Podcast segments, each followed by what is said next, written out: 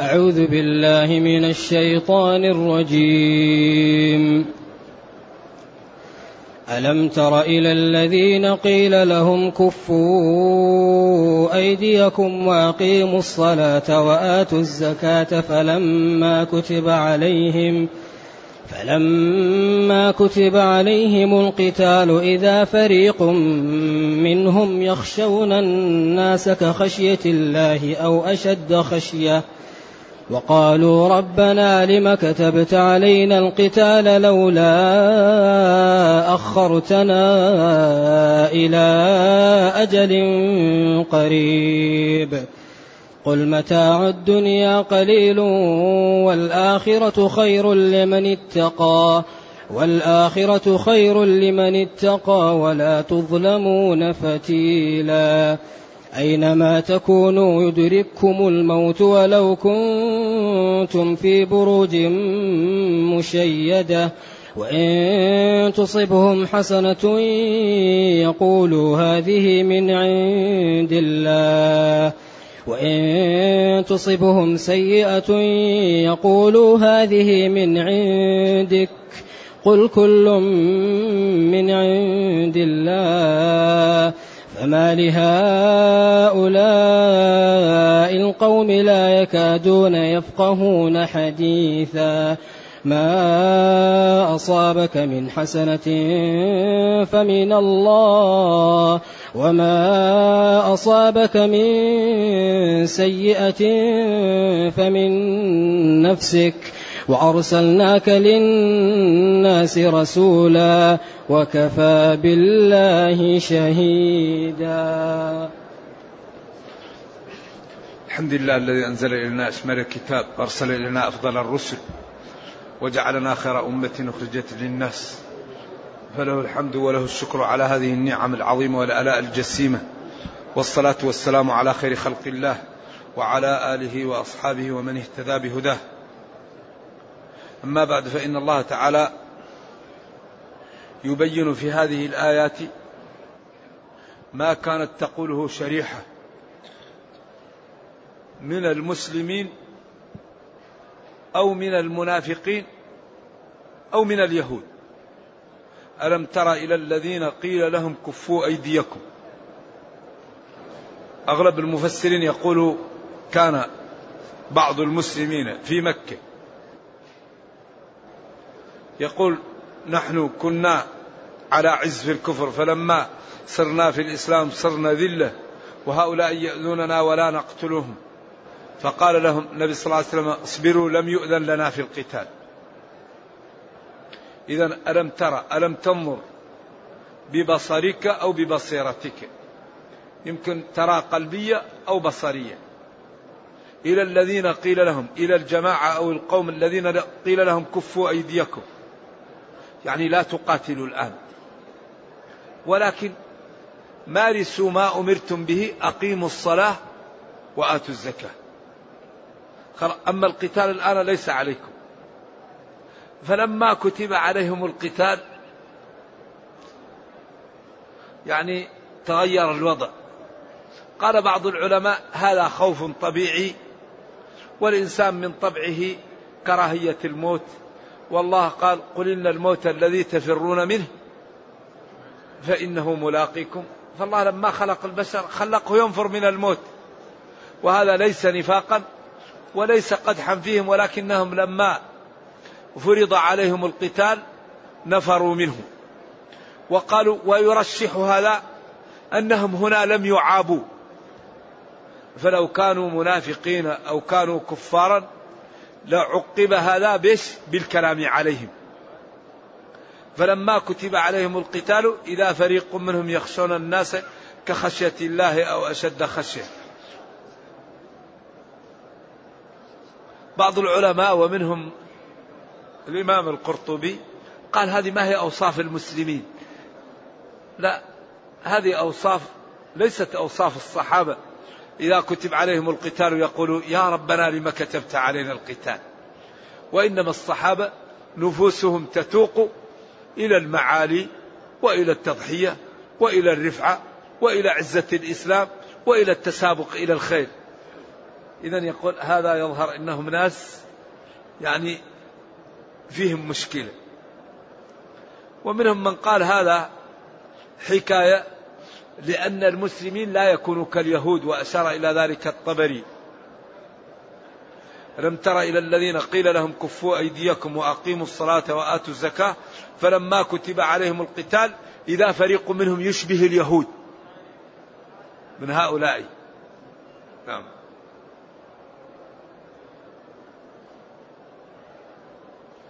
وقالوا ربنا لما كتبت علينا القتال لا تكتب علينا القتال هل لا أخرتنا لولا أخرتنا إلى أجل قريب إلى أن يموت هؤلاء أو نموت نحن إذا هذا الأسلوب فيه نوع من العتاب لهذه الشريحة التي كانت تطلب القتال والجهاد فلما كتب عليها حصل لها نوع من الانزعاج والخوف فقد عوتبوا ولامهم الله بهذه الآيات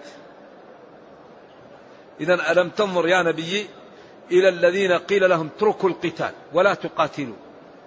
ولذلك القتال قيل إنه مر براح ثلاث مراحل أولا النهي عن القتال ثالثا جواز القتال ثالثا الأمر بالقتال أول كفوا أيديكم وأقيموا الصلاة وآتوا الزكاة لأن من أكبر أسباب تقوية المسلمين إقامة الصلاة وإيتاء الزكاة من أكبر أسباب عزة المسلمين ممارسة الدين ممارسة الشرائع من أكبر أسباب ضعف المسلمين الكف عن الطاعة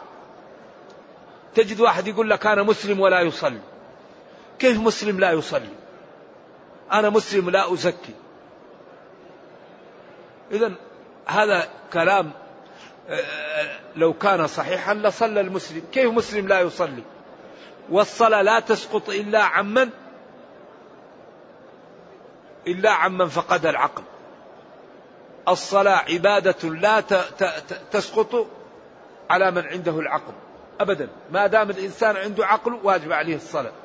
إلا من كان معذورا من النساء بعذر يمنعهم من الصلاة الله رفع عنهم الصلاة في حال اتصافهم بالنفاس والحيض لكن ما دام المسلم عنده العقل يجب أن يصلي فترى بعض المسلمين يقول نحن مسلمون ولا يصلي هذه مشكلة الحقيقة أقيموا الصلاة وبعدين قال أقيموا الصلاة دائما تعبيرات الشريعة في غاية من الدقة ما قال أدوا الصلاة قال أقيموا الصلاة لأن إقامة الصلاة تتطلب أركان وشروط وواجبات وسنن وأنداب ما أقاموا الصلاة الذين يقيمون الصلاة ما قال أدوا الصلاة قال أقيموا ما أقاموا الصلاة قال هنا كفوا أيديكم وأقيموا الصلاة لأن الصلاة لها 14 ركن لها تسعة شروط لها كذا واجبات لها شروط لها أنداب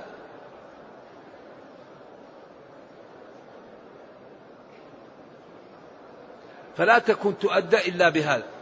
وآتوا الزكاة المفروضة عليكم فلما وجبت على هؤلاء وكتب عليهم القتال قالوا يا ربنا لما كتبت علينا القتال لولا أخرتنا هل لا أخرتنا إلى أجل قريب هذا لا ينبغي الحقيقة ولذلك القرطبي يقول هذا ليسوا من الصحابة ليسوا من المسلمين قل متاع الدنيا قليل قل متاع الدنيا قليل والآخرة خير لمن اتقى ولا تظلمون فتيلا ما أروع هذه الكلمات وما أوجزها وما أجمعها قل متاع الدنيا قليل أنتم لو أخذتم إلى كم مئة سنة لا تأتي في عمر الزمن بمثل ثانية مئة سنة لو قسناها بالزمن لا تأتي ثانية لا تأتي لحظة والآخرة خير لمن اتقى لأن الدار الآخرة لهي الحيوان لهي الحياة الباقية أما الدنيا زائلة بعدين ولا تظلمون نقيرا كل واحد وشطارته كل واحد واجتهاده كل واحد وتضحيته إذا الدنيا متاعها قليل والآخرة خير لمن خاف الله واتقى وثقوا تماما أن كل واحد يأخذ أجره كاملا لا ينقص منه شيء أبدا ولا تظلمون فتيلا بل يغفر لهم ويتجاوز عنهم لكن كل واحد ما عمل من الخير يراه كاملا وما عمل من الشر لا يزاد عليه يعطى حقه أو ينقص عنه لكن لا يزاد عليه أبدا إن الله لا يظلم الناس شيئا ولكن الناس أنفسهم يظلمون إذا متاع الدنيا قليل كم الواحد يعيش في الدنيا الأمور الواجبة عليك محدودة الأمور المحرمة عليك محدودة الله أباح لك متع الحياة أباح لك الحلال حرم عليك أمور معينة وأعطاك العمر وأعطاك العقل وقال لك اشتغل قبل أن يفوت الأوان عليك أعطاك رأس المال وأعطاك الربح وقال لك اشتغل والدنيا متاعها قليل فينبغي أن تكسب قبل أن يفوت ولذلك السفيه الذي يضيع وقته الزمن يمشي ينبغي للعاقل أن لا يشتغل إلا فيما ينفعه ولذلك العقلاء لا يشتغلون إلا فيما يصلح دنياهم أو أخراهم العاقل لا يشتغل إلا فيما يصلح دنياه أو أخراه والدنيا هي مطية الآخرة ولذلك من كان يؤمن بالله واليوم الآخر فليقل خيرا أو ليصمت تكلم وسدد ما استطعت فإنما كلامك حي والسكوت جماد فإن لم تجد قولا سديدا تقوله فصمتك عن غير السداد سداد فينبغي للمسلم أن يشتغل وقته بالطاعة بالصلاة بالصوم بالعمل بمساعدة الضعاف بتعليم الجهال بتأطير الضعاف بالعمل لدينه متاع الدنيا قليل فالإنسان إذا لم يشتغل يضيع عليه الوقت ولذلك العمر محدود لكن الذي يعمل يبارك له في العمر مباركة في العمر كيف يكون الإنسان عمره مثلا خمسين سنة ستين سنة سبعين سنة لكن كأنه عاش ألف سنة لأن يبارك له في العمر يعمل الطاعات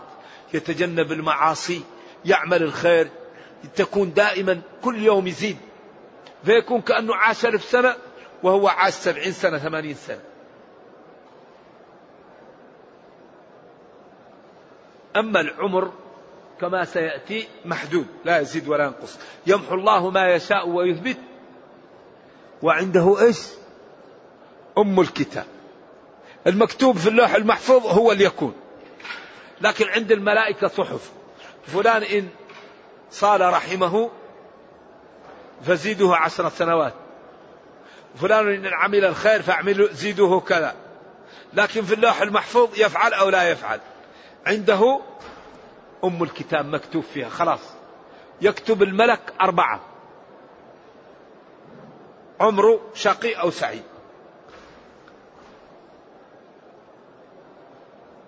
لذلك متاع الدنيا قليل والآخرة خير لمن اتقى متاع الدنيا قليل والآخرة لمن اتقى خير لأن فيها العزة فيها الرفعة فيها الكرامة فيها التغابن ولا يظلم أحد شيئا إن الله لا يظلم الناس شيئا يقول الكافر ما لهذا الكتاب لا يغادر صغيرة ولا كبيرة إلا أحصاها ووجدوا ما عملوا حاضرة ولا يظلم ربك أحدا إذا ما بعد هذا عذر هذا البيان لا عذر لنا بعده ثم قال أينما تكونوا يدرككم الموت أينما ما صلة أين تكونوا يدرككم الموت ما مؤكدة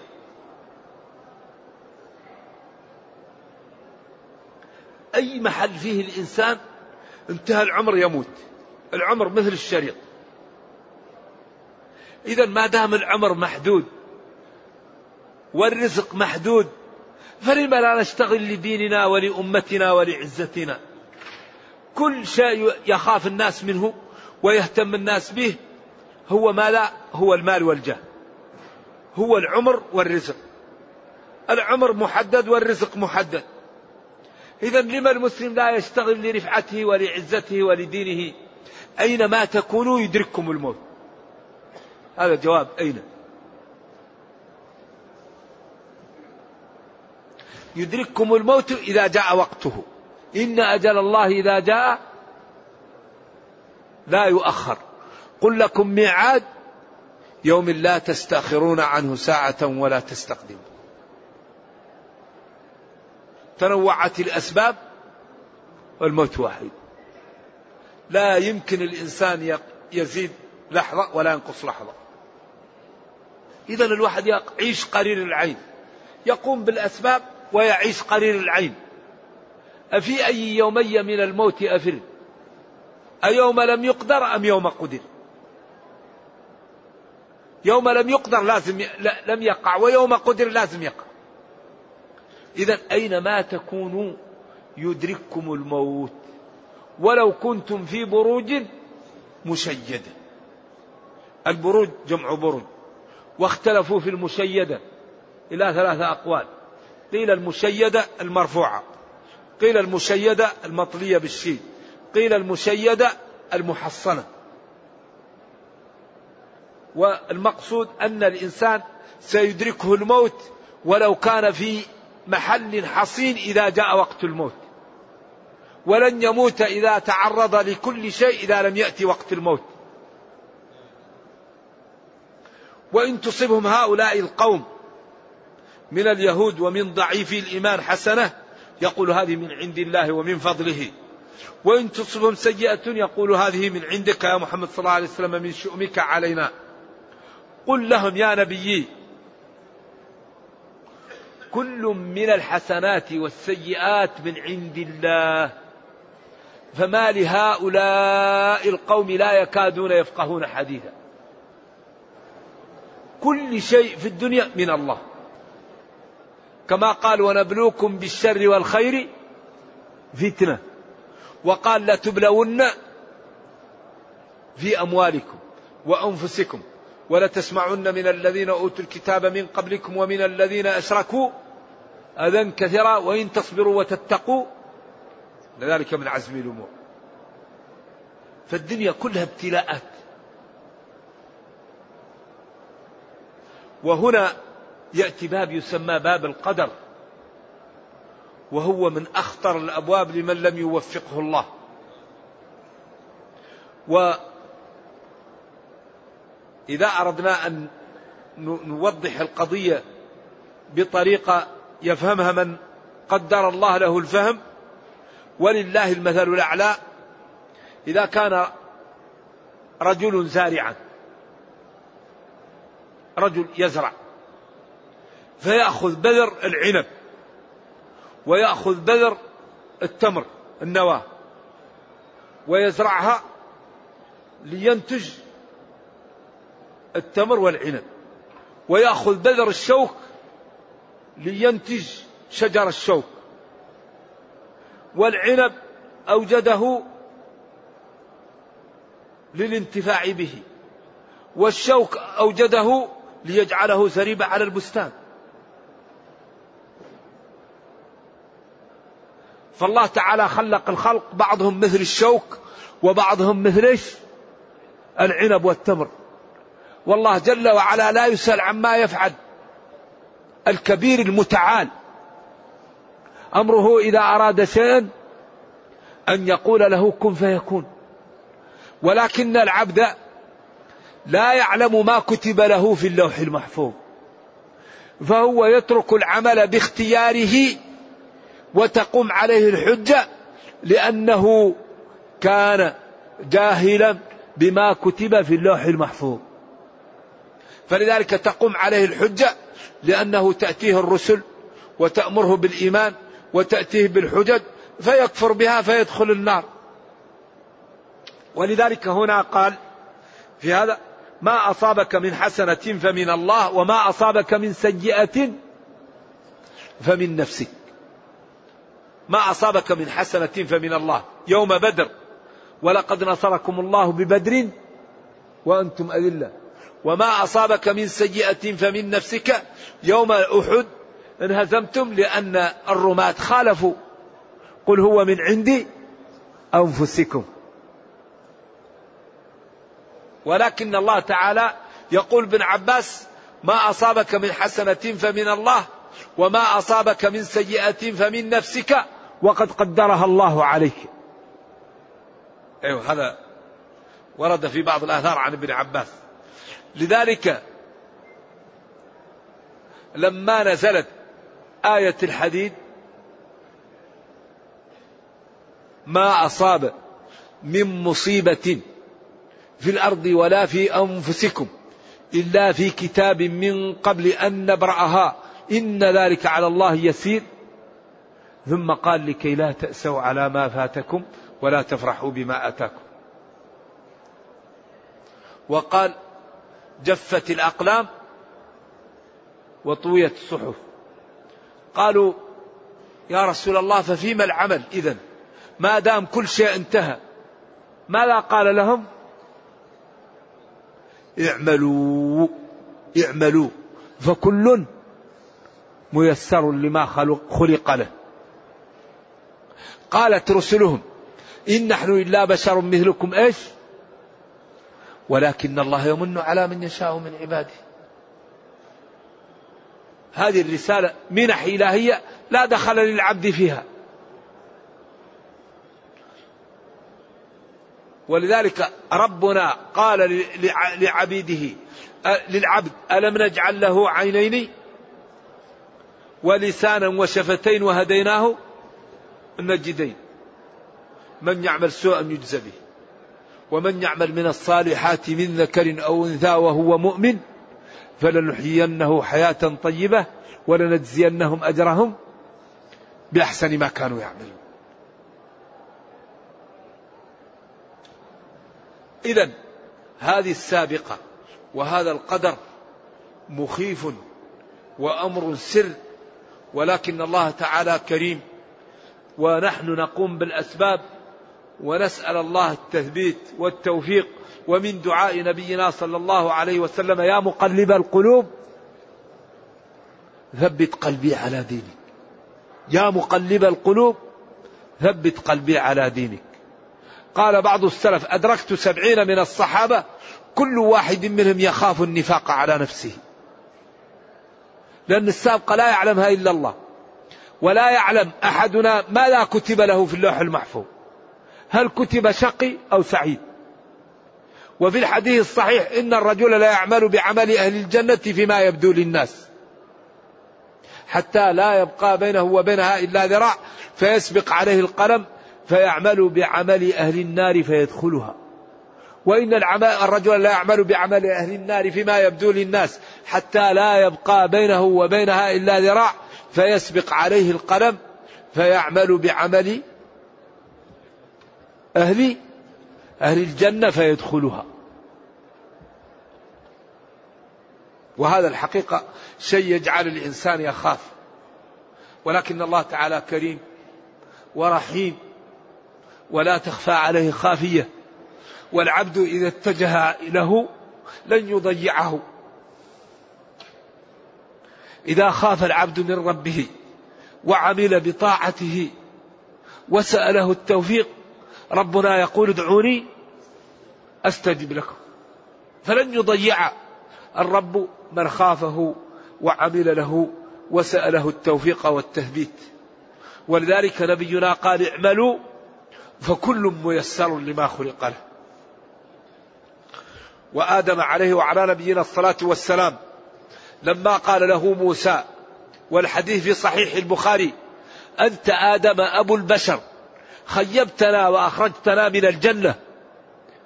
فقال يا موسى أتلومني على أمر كتبه الله قبل أن أخلق بأربعين سنة فحج آدم موسى فحج آدم موسى فحج آدم موسى لذلك قالوا إن القدر يستدل به على المصائب لا على المعائب آدم تاب وتاب عليه ربه وانتهى فهذه قضية كتبها الله وانتهت فلا تلومني على أمر كتبه الله علي أما الإنسان يعمل جريمة ويسرق ويقول أنا كتب الله علي السرقة فلا نفعل به ما فعل عمر بالسارق قال له كيف تقطع يدي وأنا كتب الله علي أن نسرق كيف قال له كيف تلومنا ونحن كتب الله علينا أن نقطع يدك لأن المعايب لا يستدل بها بالقدر وإنما يستدل به على المصائب ولذلك الكفار لما أرادوا أن يسووا بين الإرادة الشرعية والإرادة الكونية كذبهم الله وقال الذين أشركوا لو شاء الله ما أشركنا ولا آباؤنا ولا حرمنا من شيء كذلك كذب الذين من قبلهم لأنهم أرادوا أن يجعلوا الإرادة الكونية مقابلة للإرادة الشرعية لا ما لست معها ولذلك الذي يقع الإرادة الكونية والإرادة الشرعية قد تقع وقد لا تقع فأراد الله شرعا من أبي بكر أن يدخل في الإسلام وأرادها منه كونا فدخل في الإسلام وأراد شرعا من أبي لهب أن يدخل في الإسلام ولم يردها كونا فلم يكن إذا في إرادة شرعية وفي إرادة كونية والإرادة الكونية هي المختوم عليها لا بد أن تقع فقد توافق الإرادة الشرعية الإرادة الكونية وقد لا توافقها ولكن الذي يقع هو الذي كتب الله كتب شقي أو سعيد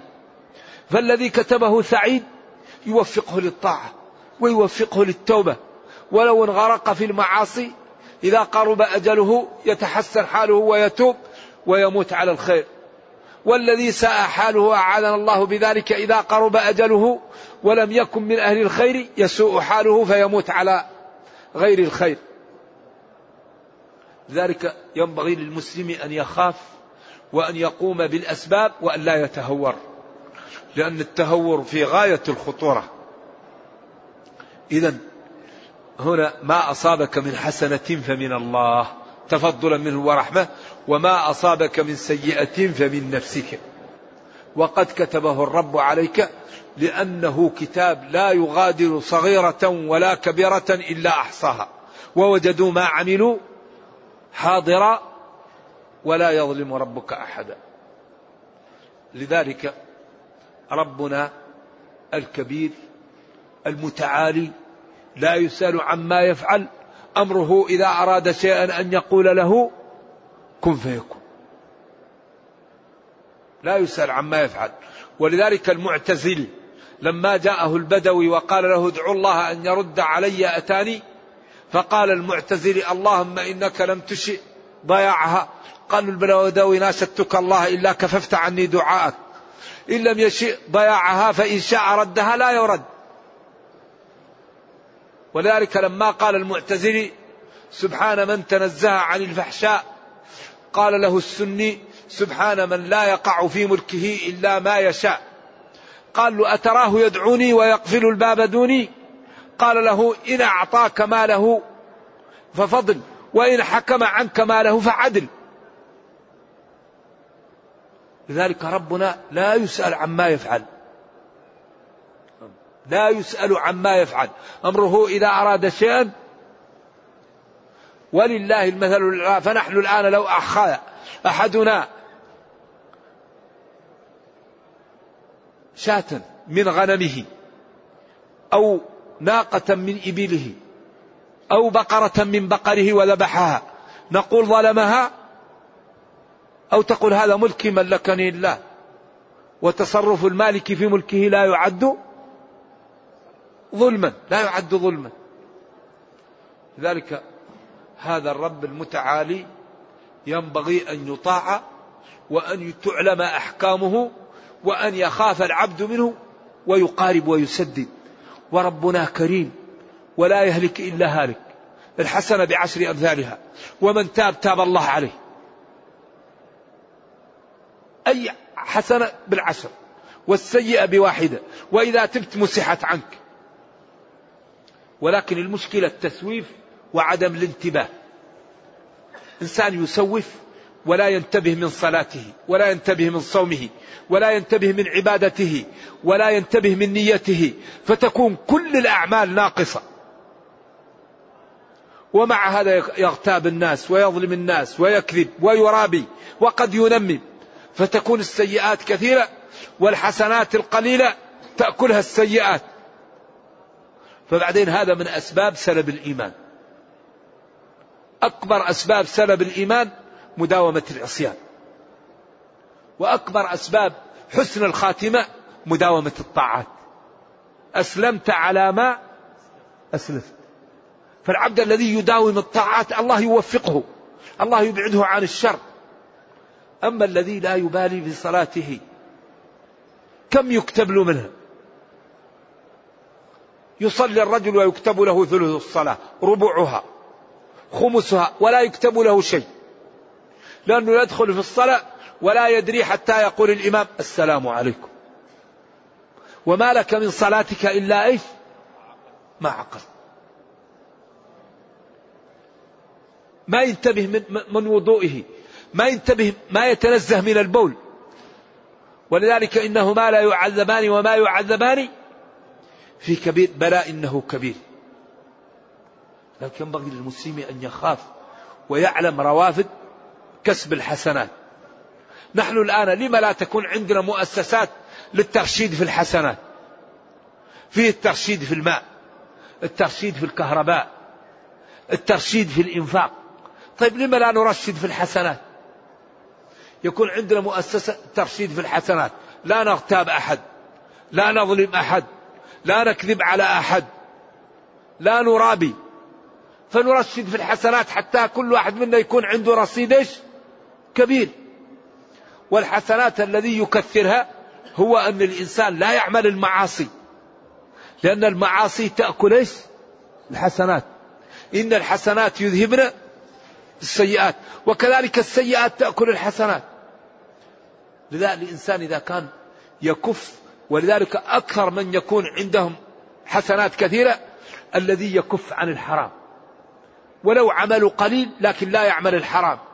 فيكون صلاة له وصوم له وزكاة له واستغفار له وصدقة له لكن إذا كان يصلي ويغتاب الناس طيب صلاته يأخذها الناس الذين اغتابهم لذلك ينبغي لنا أن نجتهد لا يمكن يدخل الجنة العبد إذا لم يجتهد يجتهد في الطاعة يجتهد في ترك المعاصي يجتهد في إحضار النية لأن الأعمال لا تقبل إلا إذا حضرت معها إيش النية يجتهد في أن تكون العبادة على المواصفات المطلوبة شرعا لأن العبادة إذا لم تكن على المواصفات المطلوبة شرعا لا يكون الأجر فيها كاملا فإذا اجتهد في هذا يأخذ الأجر يأخذ الأجر يكون من عباد الله إيش الصالحين فإذا كان من عباد الله الصالحين إذا دعا ربه لا يستجب له وإذا تكلم استجيب له وإذا دعاه وإذا عاداه شخص أو ظلمه دمره ربه من عادى لي وليا فقد آذنته بالحرب لكن هذا لا يمكن يكون إلا بما لا بالمجاهدة والمكابدة والذين جاهدوا فينا والذين جاهدوا فينا تكابد السمع تكابد البصر تكابد اللسان تكابد البطن تكابد الفرد تكابد اليد الرجل حتى تذللها وتكون تعمل بطاعة الله وتجد الفرح بالطاعة وتنفر عن المعصية أصبحت العدوى منك محققة وأصبحت من أولياء الله وأصبح الله يدافع عن أوليائه إن الله يدافع عن الذين آمنوا ولينصرن الله من ينصره إذا يقول جل وعلا ما أصابك من حسنة فمن الله ومن تفضله وما أصابك من سيئة فمن نفسك وأرسلناك للناس رسولا عظيما كافة صادقا مبشرا من أطاعك بالجنة ومحذرا من عصاك ومن كذب بك بالنار وكفى بالله شهيدا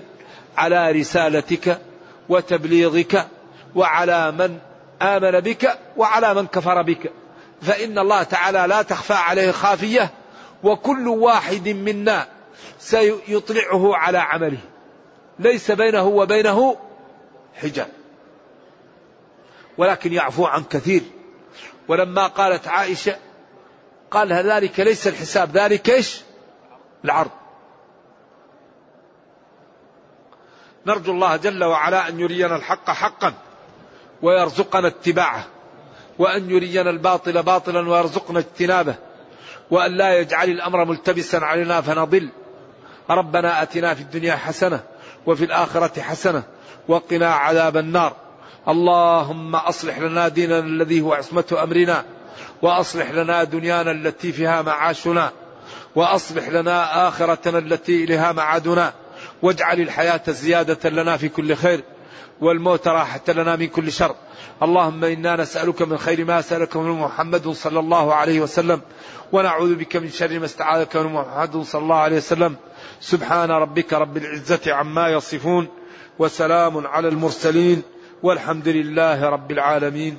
والسلام عليكم ورحمة الله وبركاته